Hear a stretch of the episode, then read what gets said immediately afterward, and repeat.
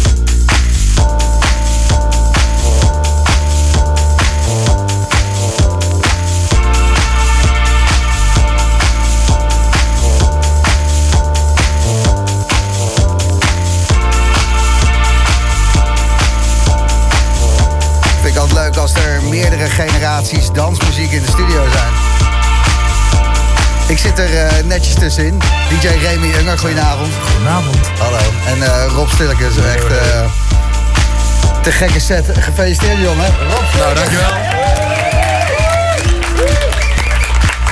Laatste trekkie is een klassieker voor jou. Uit, uit welk jaar komt hij dan? Ik zou het echt begot niet weten. Maakt ook, maakt ook helemaal niet uit. Maar hij is wel heerlijk. Ja, goede, goede trekken, goede platen gedraaid. Echt van die eh, pompende house gewoon. Ja man, dat is vooral hetgene wat ik doe. Ja, ik snap wel eh, dat jij op eh, Give Soul hebt gedraaid. Van Karim Soliman, toch? Ja, dat, is wel, dat past er wel goed bij. Ja. Goeie de- match. Helemaal erin. En dit jaar, wat gaat er gebeuren? Ik zie in de regio Noord-Holland. eh, Ja, ik heb van vrienden van mij, van Portable Paradise en Daryl, is van mijn agency, Relish, hun gegeven met Heatzone, dat is hun label. gaan ze nou evenementen geven deze zomer. En dat wordt, ja, dat is gemixt van Den Haag tot Rotterdam, tot Amsterdam.